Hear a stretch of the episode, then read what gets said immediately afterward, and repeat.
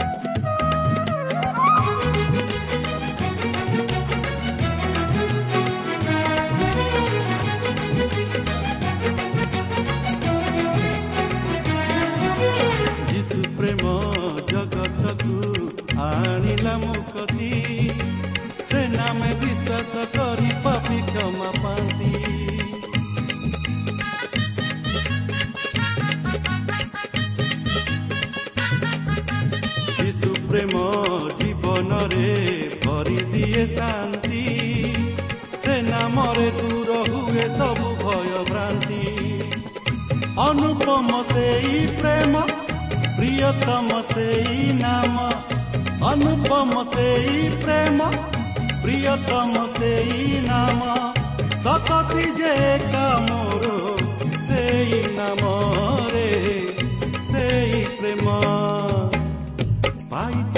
ପାଇଛି ମୁଁ ପାଇଛି ଯୀଶୁ ପ୍ରେମ ଗାଉଛି ମୁଁ ଗାଉଛି ଯୀଶୁ ନାମ ପ୍ରିୟ ଶ୍ରୋତା ବନ୍ଧୁ ଆଜିର ଏହି ଶୁଭ ଅବସରରେ ଆମମାନଙ୍କର ସୃଷ୍ଟିକର୍ତ୍ତା ତଥା ଉଦ୍ଧାରକର୍ତ୍ତା ପ୍ରଭୁ ଯୀଶୁଖ୍ରୀଷ୍ଟଙ୍କ ବହୁମୂଲ୍ୟ ନାମରେ ଶୁଭେଚ୍ଛା ଜଣାଇ ଆଜିର ଏହି ପଥ ପ୍ରଦର୍ଶିକା କାର୍ଯ୍ୟକ୍ରମକୁ ଆପଣଙ୍କୁ ସ୍ୱାଗତ ଜଣାଏ।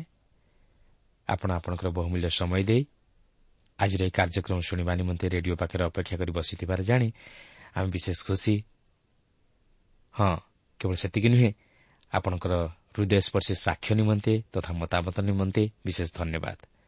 ଆପଣଙ୍କର ପ୍ରାର୍ଥନାର ଅନୁରୋଧ ରକ୍ଷା କରି ଆମେ ଆପଣଙ୍କ ନିମନ୍ତେ ପ୍ରାର୍ଥନା କରୁଅଛୁ। ଆଉ ସେ ପ୍ରଭୁ ଯୀଶୁ ନିଶ୍ଚିତ ଭାବରେ ଆପଣଙ୍କର ସହବର୍ତ୍ତୀ ହୋଇ ସମସ୍ତ ବିଷୟରେ ଆପଣଙ୍କୁ ମଙ୍ଗଳ ପ୍ରଦାନ କରିବେ। ଆସନ୍ତୁ ତାହେଲେ ପ୍ରଭୁଙ୍କର ବାକ୍ୟ ମଧ୍ୟକୁ ଯିବା ପୂର୍ବରୁ ସଂକ୍ଷେପରେ ପ୍ରାର୍ଥନା କରିବା।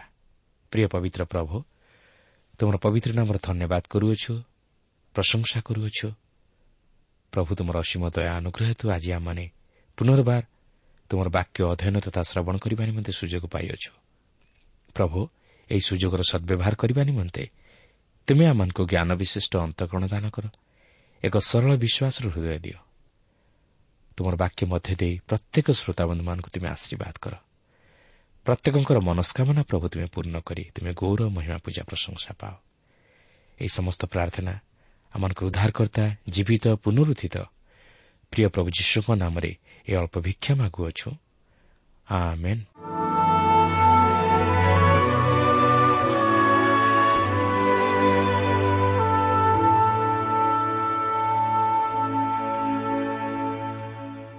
ଆସନ୍ତୁ ବର୍ତ୍ତମାନ ଆମେ ପ୍ରଭୁଙ୍କର ବାକ୍ୟ ମଧ୍ୟକୁ ଯିବା। ଆଜି ଆମେ ଦ୍ୱିତୀୟ ସାମୁଏଲ ପୁସ୍ତକର ପ୍ରଥମ ପର୍ବର ପ୍ରଥମ ପଦରୁ ଆରମ୍ଭ କରି ଦୁଇ ପର୍ବର ଏଗାର ପଦ ପର୍ଯ୍ୟନ୍ତ ଅଧ୍ୟୟନ କରିବା ନିମନ୍ତେ ଯିବା। ମୋର ଅନୁରୋଧ ଆପଣଙ୍କ ପାଖରେ ଯଦି ସମ୍ପୂର୍ଣ୍ଣ ବାଇବଲ ଅଛି ତାହେଲେ ମୋ ସହିତ ଖୋଲନ୍ତୁ ଅଧ୍ୟୟନ କରନ୍ତୁ। ଯଦି ନାହିଁ ତାହେଲେ ମନୋଯୋଗର ସହିତ ଏହି କାର୍ଯ୍ୟକ୍ରମ ଶୁଣନ୍ତୁ ତାହେଲେ ଆପଣ ପବିତ୍ର ବାଇବଲ ମଧ୍ୟରୁ ଅନେକ ନିଗୁଢ଼ ବିଷୟମାନ ଶିକ୍ଷା କରିବାକୁ ପାରିବେ। ଏହି ଦ୍ୱିତୀୟ ସାମୁଏଲ ପ୍ରଥମ ପର୍ବରେ ଆମେ ଦେଖିବାକୁ ଯିବା ଯେ ଦାଉଦ ସାଉଲ ଓ ତାହାଙ୍କ ପୁତ୍ର ଜୋନାଥ ନିମନ୍ତେ ଶୋକ କଲେ। କାରଣ ସେମାନେ ଯୁଦ୍ଧର ହୋତ ହୋଇଥିଲେ। କିନ୍ତୁ ଏଠାରେ ପ୍ରଶ୍ନ ଉଠେ ଯେ ପ୍ରକୃତିରେ କିଏ ସାଉଲଙ୍କ ହତ୍ୟା କରିଥିଲେ? ତେବେ ଏହି ପର୍ବରେ ଆମେ ତହିଁର ସମ୍ପୂର୍ଣ୍ଣ ଉତ୍ତର ପାଇ ନ ପାରୁ କିନ୍ତୁ ଏଠାରେ ସାଉଲଙ୍କୁ ହତ୍ୟା କରିବା ନେଇ ଆଉ ଏକ ସନ୍ଦେହଜନକ ବିଷୟ ସଂଯୁକ୍ତ। ଜଣେ ଅମାଲିକୀୟ ଯୁବକ ଯେ କି ଇସ୍ରାଏଲ୍ ଛାଉଣି ମଧ୍ୟରୁ ବାହାରି ଆସି ଦାଉଦଙ୍କୁ ସାଉଲଙ୍କର ମୃତ୍ୟୁ ବିଷୟ ନେଇ ସମ୍ବାଦ ଦେଇଥିଲା ଓ ତାହାଙ୍କୁ ସେ ନିଜେ ହତ୍ୟା କରିଥିବାରୁ ତହିଁର ବାହାଦୁରୀ ନେବାକୁ ଚାହିଁଥିଲା। କିନ୍ତୁ ସେହି ଅମାଲିକୀୟ ଯୁବାର ଏହି ପ୍ରକାର କାର୍ଯ୍ୟ ପାଇଁ ଦାଉଦ ତାହାକୁ ହତ୍ୟା କରିଥିଲେ। ବାସ୍ତବରେ ସାଉଲ ଓ ଜୋନାଥନଙ୍କର ମୃତ୍ୟୁ ସମ୍ବାଦ ପାଇ ଦାଉଦ ଯେଉଁପରି ବିଳାପ କରିଥିଲେ ତାହା ଅତି ହୃଦୟସ୍ପର୍ଶୀ ଓ ହୃଦୟ ବିଦାରକ ଓ ଅତି ନାଟକୀୟ। ଏଥିରୁ ସାଉଲଙ୍କ ପ୍ରତି ଦାଉଦଙ୍କର ପ୍ରକୃତ ମନୋଭାବ ଜଣାପଡ଼େ। ତେବେ ଏହି ପର୍ବରେ ସାଉଲଙ୍କର ମୃତ୍ୟୁ ବିଷୟ ନେଇ ଆଉ ଏକ ସନ୍ଦେହଜନକ ବିଷୟ ଆମର ଦୃଷ୍ଟିଗୋଚର ହୁଏ ଦେଖନ୍ତୁ ଦ୍ୱିତୀୟ ସମୟରେ ପ୍ରଥମ ପର୍ବର ପ୍ରଥମ ଦୁଇ ପଦରେ ଏହିପରି ଲେଖା ଅଛି ସାଉଲଙ୍କ ମୃତ୍ୟୁ ସମୟକୁ ଦାଉଦ ଅମାଲିକୀୟମାନଙ୍କ ବଧକରଣରୁ ଫେରିଆସିଥିଲେ ଓ ଦାଉଦ ଶିକ୍ଳଗରେ ଦୁଇ ଦିନ ମାତ୍ର ରହିଥିଲେ। ତୃତୀୟ ଦିନରେ ଏପରି ହେଲା ଯେ ଦେଖ ସାଉଲଙ୍କ ନିକଟରୁ ଛାଉଣି ଭିତରୁ ଜଣେ ଲୋକ ଆପଣା ବସ୍ତ୍ର ଚିରି ଓ ମସ୍ତକରେ ମାଟି ଦେଇ ଆସିଲା। ପୁଣି ସେ ଦାଉଦଙ୍କ ନିକଟରେ ଉପସ୍ଥିତ ହୁଅନ୍ତେ ଭୂମିରେ ପଡ଼ି ପ୍ରଣାମ କଲା। ଦେଖନ୍ତୁ ଏହା ଥିଲା ଇସ୍ରାଏଲୀୟମାନଙ୍କ ନିମନ୍ତେ ଏକ ଅନ୍ଧକାରର ସମୟ। ଯୁଦ୍ଧ ଓ ବିଫଳତା ସେମାନଙ୍କ ଜୀବନରେ ଘେରି ରହିଥିଲା। ଯେହେତୁ ସେମାନେ ଈଶ୍ୱରଙ୍କର ଇଚ୍ଛା ବିରୁଦ୍ଧରେ ଯାଇ କାର୍ଯ୍ୟ କରୁଥିଲେ ଓ ନିଜର ମନ ମୁତାବକ କାର୍ଯ୍ୟ କରୁଥିଲେ ଯାହାକି ଆଜି ମଧ୍ୟ ଆମ ପ୍ରତ୍ୟେକଙ୍କ ଜୀବନରେ ଘଟେ। ଆମେ ଈଶ୍ୱରଙ୍କ ଇଚ୍ଛା ବିରୁଦ୍ଧ କାର୍ଯ୍ୟ କରି ଜୀବନରେ ଶାନ୍ତି ପାଇବାକୁ ଚାହୁଁ ଓ ସଫଳତା ଆଶା କରୁ। ମାତ୍ର ଏହା କେବେ ହେଲେ ସମ୍ଭବ ନୁହେଁ। ଆଜି ଶାନ୍ତି ପ୍ରତିଷ୍ଠା କରିବା ନିମନ୍ତେ ଅନେକ କିଛି ଯୋଜନା କରାଯାଉଅଛି। କିନ୍ତୁ ଶାନ୍ତି କ'ଣ ପ୍ରତିଷ୍ଠିତ ହୋଇପାରୁଛି? ନୁହେଁ। କାରଣ ମନୁଷ୍ୟ ଈଶ୍ୱରଙ୍କୁ ପରିତ୍ୟାଗ କରି ନିଜର ଇଚ୍ଛାରେ କାର୍ଯ୍ୟ କରିବାକୁ ଚାହେଁ। କିନ୍ତୁ ତଦ୍ୱାରା କେବେ ହେଲେ ଶାନ୍ତି ପ୍ରତିଷ୍ଠିତ ହୋଇପାରିବ ନାହିଁ। କାରଣ ଶାନ୍ତିଦାତା ହେଉଛନ୍ତି ସ୍ୱୟଂ ଈଶ୍ୱର। ଓ ସେ ସେହି ଶାନ୍ତି ପ୍ରଭୁ ଯୀଶୁଖ୍ରୀଷ୍ଟଙ୍କ ମାଧ୍ୟମରେ ଜଗତ ପ୍ରତି ପ୍ରକାଶ କରିଅଛନ୍ତି। ତେଣୁ ଯେପର୍ଯ୍ୟନ୍ତ ଜଗତ ସେହି ଶାନ୍ତିଦାତାକୁ ଗ୍ରହଣ କରିନାହିଁ ସେ ପର୍ଯ୍ୟନ୍ତ ଶାନ୍ତି ପ୍ରତିଷ୍ଠିତ ହୋଇପାରିବ ନାହିଁ ଦେଖନ୍ତୁ ଇସ୍ରାଏଲ୍ର ପରିସ୍ଥିତି ରାଜା ସାଉଲ ମଲେ ଜୋନାଥନ ଓ ତାହାଙ୍କର ତିନି ପୁତ୍ର ମଧ୍ୟ ଯୁଦ୍ଧରେ ମୃତ୍ୟୁବରଣ କଲେ ଇସ୍ରାଏଲ୍ ଯୁଦ୍ଧରେ ପରାସ୍ତ ହେଲେ ପଲେଷ୍ଟିୟମାନେ ଗାଲିଲିର ଉତ୍ତର ପାର୍ଶ୍ୱ ଅଞ୍ଚଳକୁ ଅଧିକାର କରିଥିଲେ କିନ୍ତୁ ବର୍ତ୍ତମାନ ସେମାନେ ଦକ୍ଷିଣ ପାର୍ଶ୍ୱ ଅଞ୍ଚଳକୁ ମଧ୍ୟ ଅଧିକାର କଲେ। କିନ୍ତୁ ଦାଉଦ ଏପର୍ଯ୍ୟନ୍ତ କିଛି ଜାଣିନଥିଲେ କାରଣ ସେ ଶିକ୍ଳଗରେ ଥିଲେ। ଓ ସେ ନିଜର ଲୋକମାନଙ୍କୁ ଓ ସେମାନଙ୍କର ଲୁଟିତ ଦ୍ରବ୍ୟ ସବୁକୁ ଅମାଲିକୀୟମାନଙ୍କ ହସ୍ତରୁ ଉଦ୍ଧାର କରି ଓ ସେମାନଙ୍କୁ ପରାସ୍ତ କରି ଶିକ୍ଳଗକୁ ଫେରିଆସିଥିଲେ ଓ ସେଠାରେ ଦୁଇ ଦିନ ରହିଥିଲେ। କିନ୍ତୁ ସେହି ଦୁଇ ଦିନ ରହଣି ମଧ୍ୟରେ ଇସ୍ରାଏଲ୍ର ଛାଉଣି ମଧ୍ୟରୁ ଜଣେ ଯୁବା ଆସି ଦାଉଦଙ୍କୁ ସାଉଲଙ୍କର ମୃତ୍ୟୁ ସମ୍ବାଦ ଦେଇଛି ଓ ଇସ୍ରାଏଲ୍ ସନ୍ତାନଗଣର ବିଫଳତା ବିଷୟ ମଧ୍ୟ କହିଛି।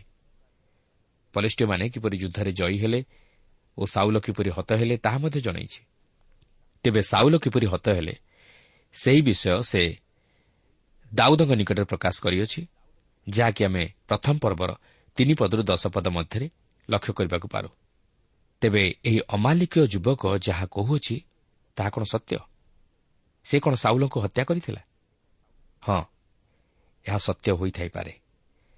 କାରଣ ସାଉଲ ଯଦିଓ ନିଜର ଖଡ଼ଗ ଉପରେ ନିଜେ ଆଉଜି ପଡ଼ିଥିଲେ ମାତ୍ର ତାହାଙ୍କର ପ୍ରାଣ ସମ୍ପୂର୍ଣ୍ଣ ତାହାଙ୍କଠାରୁ ବାହାରି ଯାଇନଥିଲା। ତେଣୁ ଯେତେବେଳେ ଏହି ଅମାଲିକୀୟ ଯୁବକ ସାଉଲଙ୍କ ନିକଟକୁ ଆସିଥିବ ସେତେବେଳେ ସାଉଲ ତାହାକୁ କହିଥିବେ ତାହାଙ୍କୁ ସମ୍ପୂର୍ଣ୍ଣ ରୂପେ ବଧ କରିବା ପାଇଁ। ଯେପରି ସେ ଶତ୍ରୁ ହସ୍ତରେ ହତ ନ ହୁଅନ୍ତି କି ଅପମାନଜନକ ମୃତ୍ୟୁଭୋଗ ନ କରନ୍ତି। କିନ୍ତୁ ଏକ କୌତୁହଳର ବିଷୟ ହେଉଛି ଯେ ଏହି ଯୁବକ ଦାଉଦଙ୍କ ନିକଟରେ ତାହାର ସମସ୍ତ କର୍ମ ସ୍ୱୀକାର କରିଥିଲା। ଯାହା ଜଣାଯାଏ ସେ ସାଉଲଙ୍କୁ ହତ୍ୟା କରିଥିବାରୁ ତହିଁ ନିମନ୍ତେ ଦାଉଦଙ୍କ ମୁଖରୁ ତହିଁର ପ୍ରଶଂସା ଶୁଣିବା ନିମନ୍ତେ ଅପେକ୍ଷା କରୁଥିଲା। ଯେପରି ଦାଉଦ ତାହା ଉପରେ ଖୁସି ହୋଇ ତାହାକୁ କୌଣସି ପୁରସ୍କାର ଦେବେ ଓ ତାହାକୁ ଏକ ଉଚ୍ଚ ପଦରେ ରଖିବେ। ମାତ୍ର ଘଟଣାଟି ବିପରୀତ ଘଟିଲା ଯାହାକି ଆମେ ପରବର୍ତ୍ତୀ ଅଂଶରେ ଲକ୍ଷ୍ୟ କରିବାକୁ ପାରିବା। ତେବେ ଦ୍ୱିତୀୟ ସାମୁଏଲ ପ୍ରଥମ ପର୍ବର ଏଗାର ପଦରୁ ଚଉଦ ପଦରେ ଆମେ ଦେଖୁ ଯେ ଯଦି ଏହି ଯୁବକ ଜଣକ ସାଉଲଙ୍କୁ ବଧ କରିଥାଏ ତାହେଲେ ଏଥିରୁ ସୁସ୍ପଷ୍ଟ ହୁଏ ଯେ ପ୍ରଥମ ସାମୁଏଲ ପୁସ୍ତକରେ ବର୍ଣ୍ଣିତ ହୋଇଥିବା ଘଟଣା ଅନୁଯାୟୀ ସାଉଲ ସଦାପ୍ରଭୁଙ୍କର ଅବାଧ୍ୟ ହୋଇ ଅମାଲିକୀୟମାନଙ୍କୁ ବର୍ଜିତ ରୂପେ ବିନାଶ ନ କରିବା ଦ୍ୱାରା ତାହାଙ୍କ ପ୍ରତି ଏହିପରି ଘଟିଲା। ଓ ସେହି ଅମାଲିକୀୟ ଯୁବାର ହସ୍ତରେ ସାଉଲଙ୍କର ପ୍ରାଣ ଗଲା। ଯଦି ସାଉଲ ସଦାପ୍ରଭୁଙ୍କର ଅବାଧ୍ୟ ହୋଇନଥାନ୍ତେ ଓ ସେହି ଅମାଲିକମାନଙ୍କୁ ବର୍ଜିତ ରୂପେ ବିନାଶ କରିଥାନ୍ତେ ତାହେଲେ ମୁଁ ଭାବୁନାହିଁ ଯେ ସେହି ଅମାଲିକୀୟ ଯୁବକ ଯୁଦ୍ଧରେ ବଞ୍ଚିଥାନ୍ତା ଓ ସାଉଲଙ୍କୁ ବଧ କରିବା ନିମନ୍ତେ ସୁଯୋଗ ପାଇଥାନ୍ତା। ହୋଇପାରେ ସାଉଲ ମଧ୍ୟ କୌଣସି ପ୍ରକାରେ ବଞ୍ଚିଯାଇଥାନ୍ତେ କିନ୍ତୁ ଦାଉଦ ଏଠାରେ ସେହି ଯୁବାକୁ କହନ୍ତି ସଦାପ୍ରଭୁଙ୍କ ଅଭିଷିକ୍ତଙ୍କ ବିରୁଦ୍ଧରେ ହସ୍ତ ଉଠାଇବା ନିମନ୍ତେ ତୁମେ କେମନ୍ତ ଭୟ ନ କଲ? ଆପଣ ଜାଣିଥିବେ ଦାଉଦ ସାଉଲଙ୍କୁ ବଧ କରିବା ନିମନ୍ତେ ଅନେକ ଥର ସୁଯୋଗ ପାଇଥିଲେ ମଧ୍ୟ ସେ ସଦାପ୍ରଭୁଙ୍କ ଅଭିଷିକ୍ତଙ୍କ ବିରୁଦ୍ଧରେ ଆପଣା ହସ୍ତ ଉଠାଇବାକୁ ଚାହିଁନଥିଲେ ସେ ଈଶ୍ୱରଙ୍କ ହସ୍ତରେ ତାହାଙ୍କୁ ଛାଡ଼ି ଦେଇଥିଲେ ସେ ଈଶ୍ୱରଙ୍କ ବିଚାରକୁ ଅପେକ୍ଷା କରି ରହିଥିଲେ। ଅନେକ ସମୟରେ ଆମେ ଈଶ୍ୱରଙ୍କ ଉପରେ ନିର୍ଭର ନ କରି ଓ ଈଶ୍ୱରଙ୍କ ଉପରେ ବିଚାର ଭାର ନ୍ୟସ୍ତ ନ କରି ଆମେ ନିଜେ ନିଜେ ଈଶ୍ୱରଙ୍କ କାର୍ଯ୍ୟରେ ହସ୍ତକ୍ଷେପ କରୁ ବା ଈଶ୍ୱରଙ୍କ ଇଚ୍ଛା ବିରୁଦ୍ଧରେ କାର୍ଯ୍ୟ କରୁ। କିନ୍ତୁ ତଦ୍ୱାରା ଆମେ ଈଶ୍ୱରଙ୍କ ଦ୍ୱାରା ବିଚାରିତ ହେଉ। ଈଶ୍ୱରଙ୍କର ଅସନ୍ତୋଷଜନକ କାର୍ଯ୍ୟ କରୁ। କାରଣ ପ୍ରତିଶୋଧ ନେବା ଆମର ଅଧିକାର ବୋଲି ଈଶ୍ୱର ତାଙ୍କର ବାକ୍ୟ ମଧ୍ୟ ଦେଇ ପ୍ରକାଶ କରିଅଛନ୍ତି। ତେଣୁ ଆମେ ଯେତେବେଳେ ଅନ୍ୟର ବିଚାର କରି ତହିଁର ପ୍ରତିଶୋଧ ନେବାକୁ ଚାହୁଁ ସେତେବେଳେ ଆମେ ଈଶ୍ୱରଙ୍କର ସାର୍ବଭୌମ କ୍ଷମତା ଉପରେ ହସ୍ତକ୍ଷେପ କରୁ। କିନ୍ତୁ ତଦ୍ୱାରା ଆମେ ନିଜେ ଈଶ୍ୱରଙ୍କ ଦ୍ୱାରା ବିଚାରିତ ହେଉ। ତେଣୁକରି ସେହି କାରଣରୁ ଦାଉଦ ସେହି ଅମାଲିକୀୟ ଯୁବକଙ୍କୁ କହନ୍ତି ସଦାପ୍ରଭୁଙ୍କ ଅଭିଷିକ୍ତଙ୍କ ବିରୁଦ୍ଧରେ ହସ୍ତ ଉଠାଇବା ନିମନ୍ତେ ତୁମେ କିପରି ଭୟ ନ କଲ? ଆଜି କ'ଣ ଆମେ ଏଥିପ୍ରତି ସତର୍କ ଅଛୁ କି? ମୁଁ କେବଳ ଧର୍ମ ସଂକ୍ରାନ୍ତୀୟ ସ୍ତରରେ ଏହି ବିଷୟକୁ ସୀମିତ ରଖିବାକୁ ଚାହେଁ ନାହିଁ। ମାତ୍ର ଆମ ଜୀବନର ପ୍ରତିଟି କ୍ଷେତ୍ରରେ ଓ ପ୍ରତିଟି ସ୍ତରରେ ଏହି ବିଷୟକୁ ଉପସ୍ଥାପିତ କରିବାକୁ ଚାହେଁ। କାରଣ ଜାଗତିକ କର୍ତ୍ତାମାନଙ୍କର ଆଜ୍ଞାବହ ହେବା ନିମନ୍ତେ ମଧ୍ୟ ପବିତ୍ର ବାଇବଲ ଶିକ୍ଷା ଦିଏ। କିନ୍ତୁ ସେମାନଙ୍କ ବିରୁଦ୍ଧରେ ହସ୍ତ ଉଠାଇବା ନିମନ୍ତେ ଶିକ୍ଷା ଦିଏ ନାହିଁ। ମାତ୍ର ଏହା ନୁହେଁ ଯେ ଜାଗତିକ କର୍ତ୍ତାମାନେ ଅନ୍ୟାୟ ଅଧର୍ମ କଲେ ନିରବ ରହିବା ମାତ୍ର ସେମାନଙ୍କୁ ଶୃଙ୍ଖଳିତ କରିବା ନିମନ୍ତେ ଆଇନ କାନୁନ ମଧ୍ୟ ରହିଅଛି। ମାତ୍ର ସେମାନଙ୍କର ପ୍ରତିଶୋଧ ନେବା ନିମନ୍ତେ ବା ବ୍ୟକ୍ତିଗତ ସ୍ୱାର୍ଥକୁ ଦୃଷ୍ଟି ଆଗରେ ରଖି ସେମାନଙ୍କର ପ୍ରାଣ ବିନାଶ କରିବା ନିମନ୍ତେ ନୁହେଁ। ଏକ ପର୍ବର ପନ୍ଦର ପଦରେ। ଆମେ ଦେଖୁ ଯେ ଦାଉଦ ସେହି ଅମାଲିକ ଯୁବାକୁ ବଦ୍ଧ କଲେ ଯେହେତୁ ସେ ସଦାପ୍ରଭୁଙ୍କର ଅଭିଷିକ୍ତଙ୍କୁ ବଦ୍ଧ କରିଥିଲା। ଆପଣଙ୍କ ମନରେ ପ୍ରଶ୍ନ ଆସିପାରେ ଯେ ଦାଉଦ ଏଠାରେ ଯାହା କଲେ ତାହା କ'ଣ ଠିକ୍ କଲେ? ହଁ ସେ ଠିକ୍ କଲେ। କାରଣ ସେ ଈଶ୍ୱରଙ୍କ ଇଚ୍ଛାକୁ ସଫଳ କରିଥିଲେ। ଯେହେତୁ ଅମାଲିକୀୟମାନଙ୍କୁ ବର୍ଜିତ ରୂପେ ବିନାଶ କରିବା ନିମନ୍ତେ ଈଶ୍ୱର ଆଦେଶ ଦେଇଥିଲେ ତାଛଡ଼ା ସେ ଈଶ୍ୱରଙ୍କ ବ୍ୟବସ୍ଥାକୁ ମଧ୍ୟ ପାଳନ କରିବାକୁ ଚାହିଁଥିଲେ ଯେହେତୁ ସେହି ଯୁବା ସଦାପ୍ରଭୁଙ୍କ ଅଭିଷିକ୍ତଙ୍କ ବିରୁଦ୍ଧରେ ହସ୍ତ ଉଠାଇଥିଲା। ଏହାପରେ ପ୍ରଥମ ପର୍ବର ଷୋହଳ ପଦରେ ଆମେ ଦେଖୁ ଯେ ଏହି ଲୋକ ମିଛରେ କହୁଛି କି ସତରେ କହୁଛି? ଦାଉଦ ତାହା ଜାଣିନଥିଲେ କିନ୍ତୁ ସେ ତାହା ନିଜ ମୁଖରେ ସ୍ୱୀକାର କରିଥିବାରୁ ଦାଉଦ କହନ୍ତି ଯଦି ତୁମ୍ଭେ ମିଥ୍ୟା କହିଥାଅ ତାହେଲେ ମଧ୍ୟ ତୁମ୍ଭର ରକ୍ତ ତୁମ୍ଭ ମସ୍ତକରେ ବର୍ତ୍ତୁ। କାରଣ ତୁମ୍ଭରି ମୁଖ ତୁମ୍ଭ ବିରୁଦ୍ଧରେ ସାକ୍ଷ୍ୟ ଦେଇ କହିଅଛି। ମୁଁ ସଦାପ୍ରଭୁଙ୍କ ଅଭିଷିକ୍ତଙ୍କୁ ବଦ୍ଧ କରିଅଛି। ତେବେ ମୁଁ ବିଶ୍ୱାସ କରେ ଯେ ସେହି ଯୁବା ସାଉଲଙ୍କୁ ବଦ୍ଧ କରିଥିଲା ଓ ଦାଉଦ ମଧ୍ୟ ତାହାର ବିଚାର କରିଥିଲେ। ଏହାପରେ ପ୍ରଥମ ପର୍ବର ସତର ପଦରେ ଆମେ ଦେଖୁ ଯେ ସାଉଲ ଓ ତାହାଙ୍କ ପୁତ୍ର ଜୋନାଥନଙ୍କର ମୃତ୍ୟୁରେ ଦାଉଦ ଯେ ପ୍ରକୃତ ଅନ୍ତର ସହିତ ବିଳାପ କରିଥିଲେ ତାହା ଏଥିରୁ ଜଣାପଡ଼େ। ଏହା ମଧ୍ୟ ବାସ୍ତବ ବିଳାପ ଥିଲା। ତାହା ନ ହୋଇଥିଲେ ସେ ସେହି ଅମାଲିକୀୟ ଯୁବାକୁ ହତ୍ୟା କରିନଥାନ୍ତେ ଏହାପରେ ପ୍ରଥମ ପର୍ବର ଅଠର ପଦରେ ଲେଖା ଅଛି ପୁଣି ଜିଉଦା ସନ୍ତାନମାନଙ୍କୁ ସେହି ଧନୁର୍ଗୀତ ଶିଖାଇବାକୁ ଆଜ୍ଞା ଦେଲେ। ଦେଖ ତାହା ଜାସେର ପୁସ୍ତକରେ ଲେଖା ଅଛି। ଦେଖନ୍ତୁ ସାଉଲ ଇସ୍ରାଏଲ୍ ସନ୍ତାନଗଣକୁ କିଛି ଶିକ୍ଷା ଦେଇଥିଲେ। ଇସ୍ରାଏଲ୍ ଜାତି ପ୍ରତି ତାହାଙ୍କର ଏକ ମହାନ ଅବଦାନ ଥିଲା। ଆପଣ ଜାଣିଥିବେ ଯେ ଇସ୍ରାଏଲ୍ ସନ୍ତାନଗଣ ନିକଟରେ କୌଣସି ଯୁଦ୍ଧାସ୍ତ୍ର ନଥିଲା। ତେଣୁକରି ସାଉଲ ସେମାନଙ୍କୁ ଧନୁର୍ଦ୍ଧର ବିଦ୍ୟାରେ ଶିକ୍ଷିତ କରାଇଥିଲେ ଯେପରି ସେମାନେ ଧନୁ ଓ ତୀର ଦ୍ୱାରା ଶତ୍ରୁକୁ ନିଜର ଆୟତ୍ତାଧୀନ କରିପାରନ୍ତି। ତେଣୁ ଦାଉଦ ମଧ୍ୟ ସେମାନଙ୍କୁ ସେହି ଧନୁର ଗୀତ ଶିଖାଇବାକୁ ଆଜ୍ଞା ଦେଲେ ଅର୍ଥାତ୍ ସେ ଇସ୍ରାଏଲ୍ ସନ୍ତାନଗଣକୁ ସାଉଲଙ୍କର ମହାନ ଅବଦାନ ବିଷୟ ନେଇ ସ୍କରଣ କରାଇଦେଲେ। ଏହାପରେ ପ୍ରଥମ ପର୍ବର ଉଣେଇଶ ପଦରେ ଆମେ ଦେଖୁ ଯେ ଦାଉଦ ତାହାଙ୍କର ବିଳାପକୁ ଗୀତରେ ଏତେ ସୁନ୍ଦର ଭାବେ ରଚନା କରିଥିଲେ ଯାହାକି ସ୍ୱତଃପ୍ରବୃତ୍ତ ଭାବେ ତାହାଙ୍କର ମନର ଭାବକୁ ପ୍ରକାଶ କରେ ଓ ଦାଉଦଙ୍କୁ ଇସ୍ରାଏଲ୍ର ଜଣେ ମଧୁର ଗୀତ ରଚକ ଭାବେ ଉପସ୍ଥାପିତ କରେ। ବାସ୍ତବରେ ଦାଉଦଙ୍କର ସାଉଲଙ୍କ ପ୍ରତି ତାହାଙ୍କ ହୃଦୟର ବାସ୍ତବ ଭାବ ଏଥିରେ ପ୍ରକଟିତ ହୁଏ। ଏହାପରେ ପ୍ରଥମ ପର୍ବର କୋଡ଼ିଏ ପଦରେ ଲେଖା ଅଛି ଗାଥରେ ଏହା ନ ଜଣାଅ ଅସ୍କିଲୋନ୍ର ଦାଣ୍ଡରେ ଏହା ପ୍ରଚାର ନ କର। କଲେ ପଲେଷ୍ଟିୟ କନ୍ୟାମାନେ ଆନନ୍ଦ କରିବେ ଓ ଅସୁନତମାନଙ୍କ କନ୍ୟାଗଣ ଜୟଧ୍ୱନି କରିବେ। ଗାଥରେ ଏହା ନ ଜଣାଅ। ଦାଉଦ କାହିଁକି ଏପରି କହନ୍ତି? ଯେହେତୁ ଗାଥ୍ ନଗର ହେଉଛି ପଲେଷ୍ଟିୟମାନଙ୍କର ରାଜଧାନୀ। ଏହାପରେ ସେ କହନ୍ତି ଅସ୍କିଲୋନ୍ର ଦାଣ୍ଡରେ ଏହା ପ୍ରଚାର ନ କର।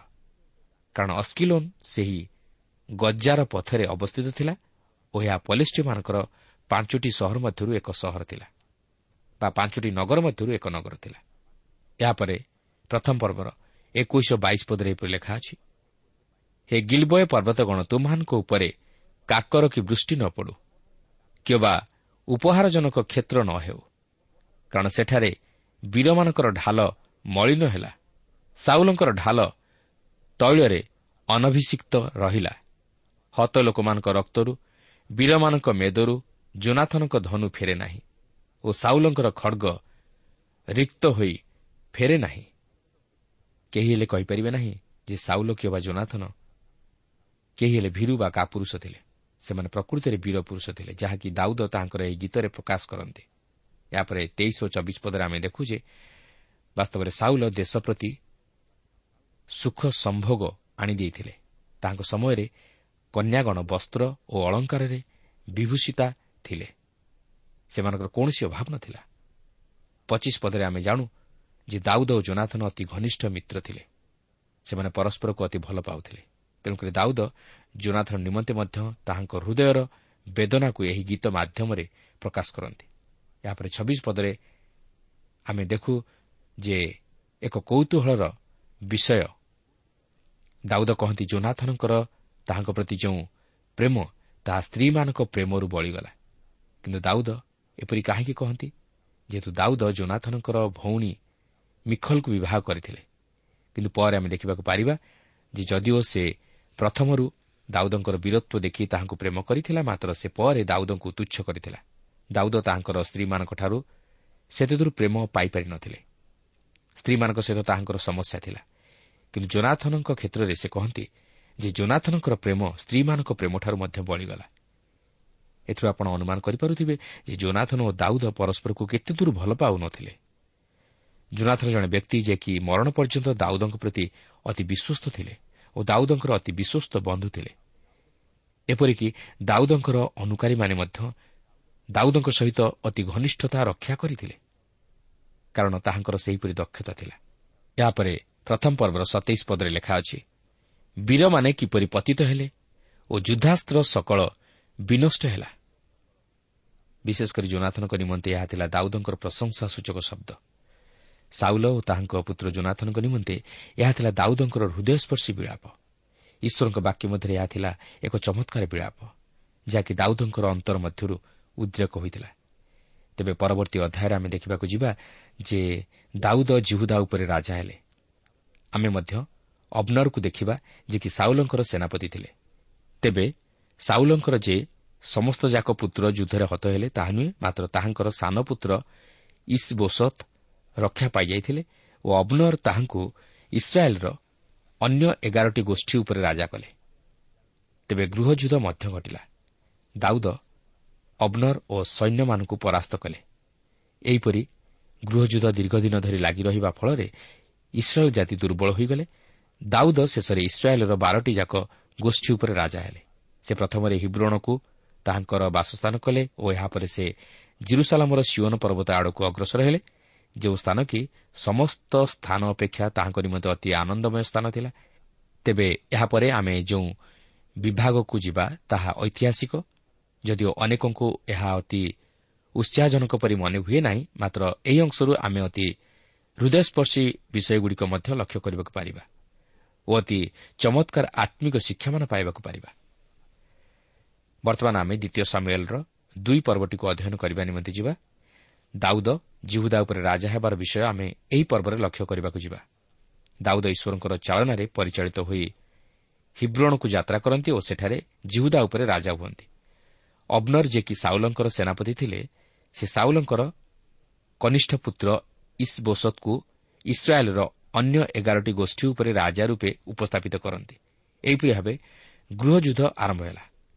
ତେବେ ଦେଖନ୍ତୁ ଦୁଇ ପର୍ବର ପ୍ରଥମ ପଦରେ ଲେଖା ଅଛି ଏଥିଉତ୍ତାରେ ଦାଉଦ ସଦାପ୍ରଭୁଙ୍କ ନିକଟରେ ପଚାରି କହିଲେ ମୁଁ କ'ଣ ଜିହୁଦାର କୌଣସି ଏକ ନଗରକୁ ଯିବି? ସଦାପ୍ରଭୁ ତାଙ୍କୁ କହିଲେ ଯାଅ। ପୁଣି ଦାଉଦ କହିଲେ ମୁଁ କେଉଁଠାକୁ ଯିବି? ସେ କହିଲେ ହିବ୍ରୋଣକୁ। ଏଥିଉତାରେ ବୋଲି ଏଠାରେ ଯେଉଁ ଶବ୍ଦଟି ପ୍ରୟୋଗ କରାଯାଇଅଛି ଏହାର ଅର୍ଥ ହେଉଛି ଯେ ସାଉଲଙ୍କର ଓ ତାହାଙ୍କର ପୁତ୍ର ଜୋନାଥନଙ୍କର ମୃତ୍ୟୁ ପରେ ଓ ସେମାନଙ୍କ ନିମନ୍ତେ ବିଳାପ କରିବା ପରେ ଦାଉଦ ଏକ ପଦକ୍ଷେପ ନେବାକୁ ଯାଉଅଛନ୍ତି। କାରଣ ଦାଉଦ ଜାଣନ୍ତି ଯେ ସାଉଲ ମରିଯାଇଅଛନ୍ତି ଓ ତାହାଙ୍କ ପରେ କ'ଣ କରିବାକୁ ହେବ ତାହା ସେ ଜାଣିବା ପାଇଁ ଚାହାନ୍ତି। ତେଣୁକରି ସେ ସଦାପ୍ରଭୁଙ୍କୁ ପଚାରୁଛନ୍ତି ମୁଁ କ'ଣ ଜିହୁଦାର କୌଣସି ଏକ ନଗରକୁ ଯିବି? କିନ୍ତୁ ସେ ସଦାପ୍ରଭୁଙ୍କୁ କାହିଁକି ଏପରି ପଚାରିଲେ? କାରଣ ସେ ସେହି ସମୟରେ ପଲିଷ୍ଟିମାନଙ୍କ ଦେଶରେ ଥିଲେ। ସାଉଲ ମୃତ୍ୟୁବରଣ କରିଥିଲେ ଓ ଦାଉଦ ତାହାଙ୍କ ପରେ ରାଜା ହେବାକୁ ଥିଲା। ତେଣୁକରି ସେ କିପରି ଓ କେଉଁ ଆଡ଼େ ଯିବେ ତାହା ସେ ଜାଣିବାକୁ ଚାହାନ୍ତି। କାରଣ ସେ ଜାଣିଥିଲେ ଯେ ଈଶ୍ୱର ହିଁ ତାହାଙ୍କର ଗତି ନିୟନ୍ତ୍ରଣ କର୍ତ୍ତା ତାହାଙ୍କ ଇଚ୍ଛା ବିହୁନେ କୌଣସି କାର୍ଯ୍ୟ ହୋଇନପାରେ କିମ୍ବା ମନୁଷ୍ୟ ସଫଳତା ଲାଭ କରିନପାରେ ତେଣୁକରି ସେ ଈଶ୍ୱରଙ୍କଠାରୁ ଯେପର୍ଯ୍ୟନ୍ତ ଚାଳନା ପାଇନାହାନ୍ତି ସେ ପର୍ଯ୍ୟନ୍ତ ସେ ତାହାଙ୍କର ଚାଳନାକୁ ଅପେକ୍ଷା କରି ରହିଥିଲେ। ଈଶ୍ୱର ତାହାଙ୍କୁ ହିବ୍ରଣକୁ ଯିବା ନିମନ୍ତେ କୁହନ୍ତି କାରଣ ହିବ୍ରଣ ସେହି ପାଲେଷ୍ଟାଇନ୍ ଦେଶର ଦକ୍ଷିଣକୁ ଥିଲା। ଏହା ପଲିଷ୍ଟିମାନଙ୍କ ଦେଶଠାରୁ ବେଶୀ ଦୂରରେ ନ ଥିଲା ଈଶ୍ୱର ତାହାଙ୍କୁ ପ୍ରଥମେ ସମଗ୍ର ଇସ୍ରାଏଲ୍ ଉପରେ ରାଜତ୍ୱ କରିବାକୁ କହୁନାହାନ୍ତି। ମାତ୍ର ସେ ଧୀରେ ଧୀରେ ତାହାଙ୍କୁ ସମଗ୍ର ଇସ୍ରାଏଲ୍ ଉପରେ ରାଜା ରୂପେ ପ୍ରତିଷ୍ଠିତ କରାଇବାକୁ ଯାଉଅଛନ୍ତି। ଈଶ୍ୱର ତାହାଙ୍କୁ ଅତି ସତର୍କତାର ସହିତ ଯିବା ପାଇଁ କହୁଛନ୍ତି। ଦୁଇ ପର୍ବର ଦୁଇ ପଦରେ ଆମେ ଦେଖୁ ଯେ ଦାଉଦ ତାହାଙ୍କର ଦୁଇ ସ୍ତ୍ରୀଙ୍କୁ ସଙ୍ଗରେ ଘେନି ହିବ୍ରଣକୁ ଯାତ୍ରା କରୁଅଛନ୍ତି। କିନ୍ତୁ ଏଠାରେ ଆପଣ ପ୍ରଶ୍ନ କରିପାରନ୍ତି ଯେ ଈଶ୍ୱର କ'ଣ ତାହାଙ୍କୁ ଦୁଇଟି ସ୍ତ୍ରୀ ଗ୍ରହଣ କରିବା ନିମନ୍ତେ ଅନୁମତି ଦେଇଥିଲେ? ନୁହେଁ। ଆପଣ ଦେଖନ୍ତୁ ଏଥି ନିମନ୍ତେ ଦାଉଦ ମଧ୍ୟ ସମସ୍ୟାର ସମ୍ମୁଖୀନ ହୋଇଥିଲେ ଓ ପରେ ମଧ୍ୟ ସେ ଆହୁରି ଅଧିକ ସ୍ତ୍ରୀମାନଙ୍କୁ ଗ୍ରହଣ କରିଥିଲେ ଯାହାକି ଈଶ୍ୱରଙ୍କ ଦୃଷ୍ଟିରେ ଗ୍ରହଣଯୋଗ୍ୟ ନ ଥିଲା ଓ ତହିଁର କୁପ୍ରଭାବ ମଧ୍ୟ ତାହାଙ୍କର ବଂଶଧରମାନଙ୍କ ପ୍ରତି ପଡ଼ିଥିଲା। ଦ୍ୱିତୀୟ ସାମୁଏଲ୍ ଦୁଇ ପର୍ବର ତିନି ପଦରେ ଆମେ ଦେଖୁ ଯେ ଦାଉଦଙ୍କର ସଙ୍ଗୀମାନେ ମଧ୍ୟ ପରିବାର ସମେତ ଆସି ସେହି ହିବ୍ରଣରେ ବସବାସ କଲେ। ଏହାପରେ ଚାରିପଦରେ ଆମେ ଦେଖୁ ଯେ ଦାଉଦ ନିଜକୁ ରାଜା ହେବା ନିମନ୍ତେ ସୁଯୋଗ ଦେଉଛନ୍ତି ତାଙ୍କ ନିଜ ଗୋଷ୍ଠୀର ଲୋକମାନେ ଆସି ତାହାଙ୍କୁ ରାଜାଭିଷିକ୍ତ କରାଉଛନ୍ତି ଓ ସେ ଜିହୁଦା ଉପରେ ରାଜା ହେଉଛନ୍ତି। ପାଞ୍ଚ ପଦରେ ଆମେ ଦେଖୁ ଯେ ଦାଉଦ ଏକ ମହାନ ବୁଦ୍ଧିମାନର କାର୍ଯ୍ୟ କଲେ। ଯେଉଁ ଲୋକମାନେ ସାଉଲଙ୍କୁ କବର ଦେଇଥିଲେ ଦାଉଦ ସେମାନଙ୍କୁ ଏଥିନିମନ୍ତେ ଧନ୍ୟବାଦ ଜଣାନ୍ତି। କାରଣ ଈଶ୍ୱରଙ୍କ ଅଭିଷିକ୍ତଙ୍କ ପ୍ରତି ଦାଉଦ ବିଶେଷ ସମ୍ମାନ ପ୍ରଦର୍ଶନ କରୁଥିଲେ। ସେ ସାଉଲଙ୍କୁ ବଧ କରିବା ନିମନ୍ତେ ଦୁଇଥର ସୁଯୋଗ ପାଇଲେ ହେଁ ତାହାଙ୍କ ପ୍ରତି ହସ୍ତ ଉଠାଇ ନ ଥିଲେ କିନ୍ତୁ ତାହାଙ୍କର ଅନେକ ଉତ୍ତମ ବିଷୟ ତାହାଙ୍କର ପାପ ଘୋଡ଼ାଇ ଦିଏ। ଯେପରି ଏକ ଘନ ମେଘବାଦଲ ଆକାଶରେ ଘୋଟି ଆସେ ପୃଥିବୀ ଉପରେ ପଡ଼ୁଥିବା ସୂର୍ଯ୍ୟ ରଶ୍ମିକୁ ଘୋଡ଼ାଇ ପକାଏ। କିନ୍ତୁ ଅନେକ କ୍ଷେତ୍ରରେ ଦାଉଦ ତାହାଙ୍କର ପରାକାଷ୍ଠା ପ୍ରଦର୍ଶନ କରି ଏକ ମହାନ ବ୍ୟକ୍ତି ହୋଇପାରିଥିଲେ। କିନ୍ତୁ ପରେ ତାଙ୍କର ପାପ ନିମନ୍ତେ। ଦାଉଦଙ୍କୁ ସାରା ଜୀବନ ତହିଁର ପ୍ରତିଫଳ ଭୋଗ କରିବାକୁ ପଡ଼ିଥିଲା। କାରଣ ଆମେ ଯଦିଓ ନିଜର ପାପ ନିମନ୍ତେ ଅନୁତାପ କରି ସ୍ୱୀକାର କରିବା ଦ୍ୱାରା ପାପରୁ ଉଦ୍ଧାର ପାଇଥାଉ ମାତ୍ର ସେହି ପାପର ପ୍ରତିଫଳ ଆମକୁ ଭୋଗ କରିବାକୁ ହୋଇଥାଏ।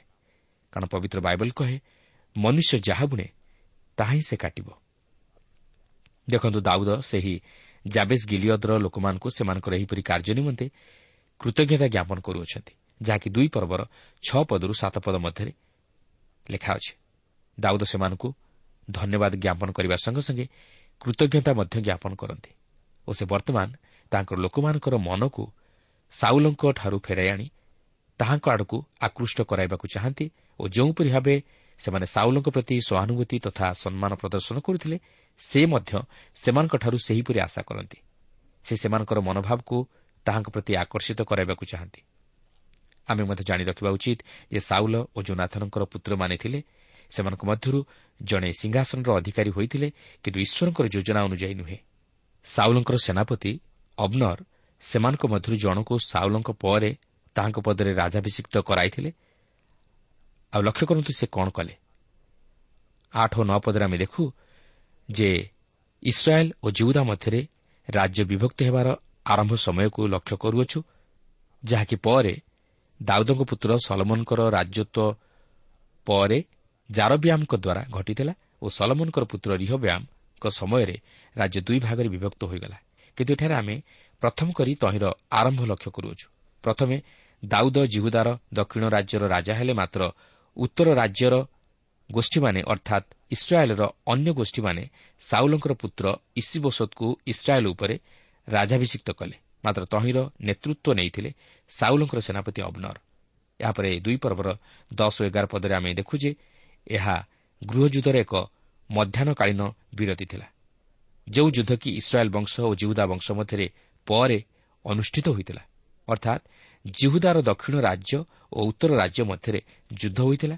ଏହି ଗୃହଯୁଦ୍ଧରେ ଇସ୍ରାଏଲ୍ ଜାତିର ଘୋର କ୍ଷତି ଘଟିଥିଲା ଓ ଏହା ଅତି ଦୁଃଖର ବିଷୟ ଥିଲା। ତେବେ ବର୍ତ୍ତମାନ ଲକ୍ଷ୍ୟ କରିବାର ବିଷୟ ହେଉଛି ସାଉଲଙ୍କର ପୁତ୍ର ଇସିବୋସତ୍ ଇସ୍ରାଏଲ୍ ବଂଶ ଉପରେ ରାଜା ହେଲେ ଓ ଦାଉଦ ଜିହୁଦା ବଂଶ ଉପରେ ରାଜା ହେଲେ ଓ ଜିହୁଦା ବଂଶ ଦାଉଦଙ୍କର ପଶ୍ଚାଦଗାମୀ ହେଲେ ଇସିବୋସତ୍ ଇସ୍ରାଏଲ୍ ବଂଶ ଉପରେ ଦୁଇ ବର୍ଷ ରାଜତ୍ୱ କରିବା ବେଳେ ଦାଉଦ ଜିହୁଦା ବଂଶ ଉପରେ ସାତ ବର୍ଷ ଛଅ ମାସ ରାଜତ୍ୱ କଲେ ତେବେ ଏହାପରେ କ'ଣ ଘଟିଲା ତାହା ଆମେ ପରବର୍ତ୍ତୀ କାର୍ଯ୍ୟକ୍ରମରେ ଆଲୋଚନା କରିବା ନିମନ୍ତେ ଯିବା। ପ୍ରଭୁ ଆମ ପ୍ରତ୍ୟେକଙ୍କୁ ଆଶୀର୍ବାଦ କରନ୍ତୁ। ପାଇଛି ମୁଁ ପାଇଛି ଯୀଶୁ ପ୍ରେମ ଗାଉଛି ମୁଁ ଗାଉଛି ଯୀଶୁ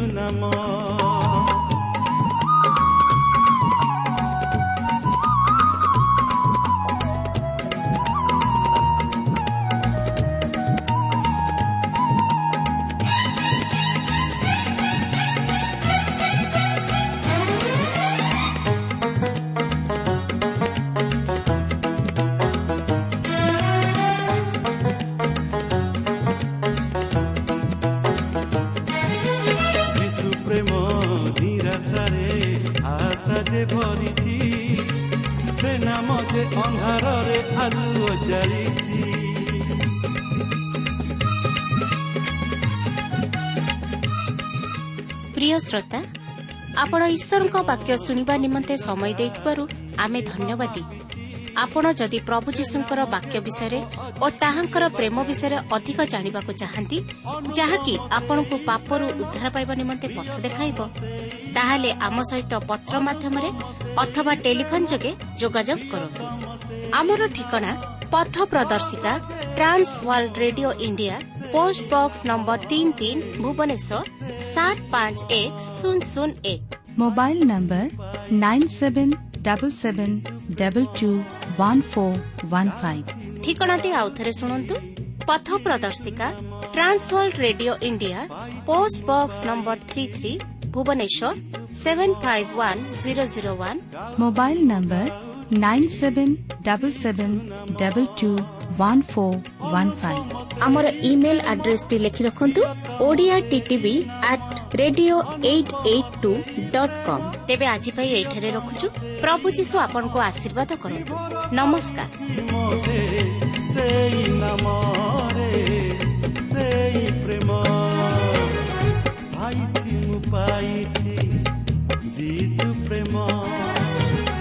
ଗାଉଛି ମୁଁ ଗାଉଛି ଯିଶୁ ନାମ ପାଇଛି ମୁଁ ପାଇଛି ଯିଶୁ ପ୍ରେମ ଗାଉଛି ମୁଁ ଗାଉଛି ଯିଶୁ ନାମ ଅନୁପମ ସେଇ ପ୍ରେମ ପ୍ରିୟତମ ସେଇ ନାମ ଅନୁପମ ସେଇ ପ୍ରେମ ପ୍ରିୟତମ ସେଇ ନାମ ବିଭୋର କରିଛି ମୋତେ ସେଇ ନାମ